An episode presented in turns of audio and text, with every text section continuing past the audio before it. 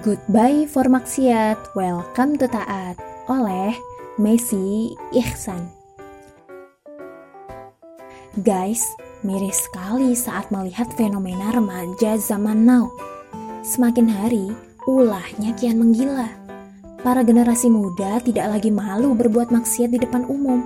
Eh, malah bangga dengan kemaksiatan yang dilakukan tanpa ada rasa berdosa dan bersalah.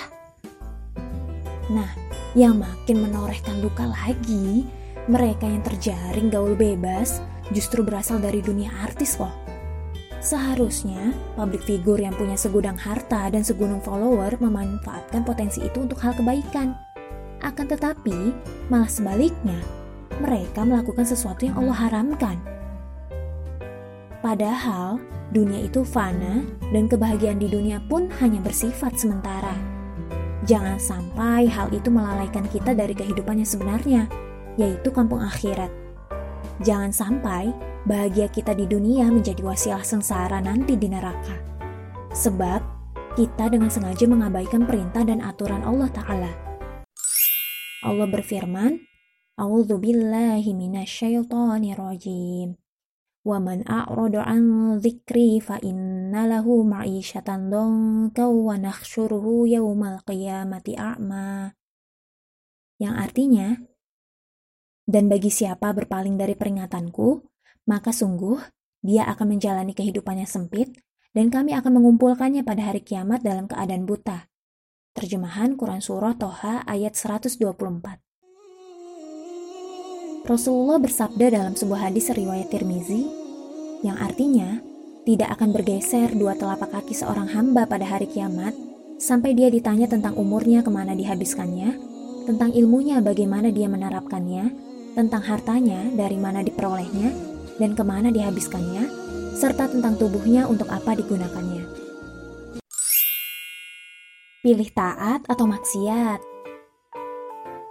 Guys, dalam hidup ini, kita selalu dihadapkan pada beragam pilihan. Mau pilih taat atau maksiat, mau pilih surga atau neraka, mau pilih bahagia atau sengsara. Semua itu tergantung pada masing-masing orang. Sebab, setiap kita sudah Allah anugerahi akal untuk berpikir, membedakan antara yang baik dan benar sesuai dengan standar syariat. Kata Imam Syafi'i, Keimanan itu akan naik saat melakukan kebaikan dan menurun saat melakukan keburukan. Sehingga apa pun aktivitas kita harus memilih pilihan yang terbaik. Jika kita memilih untuk taat, maka kehidupan akan selamat dunia akhirat. Jika kita memilih untuk maksiat, maka kehidupan akan sekarat dan jauh dari rahmat. Apa pun yang kita punya, pastikan semua itu berguna dan berdaya untuk kebaikan saja.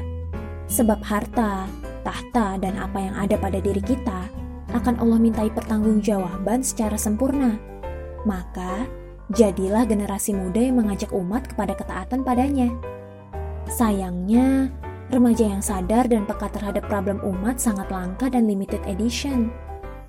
Kebanyakan generasi muda malah gampang terpengaruh dan terjerumus dalam lubang kemaksiatan.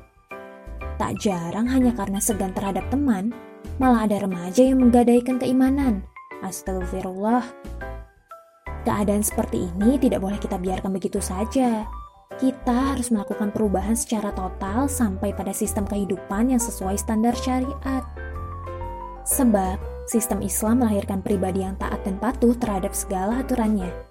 Sehingga tak ada celah untuk kemaksiatan merajalela.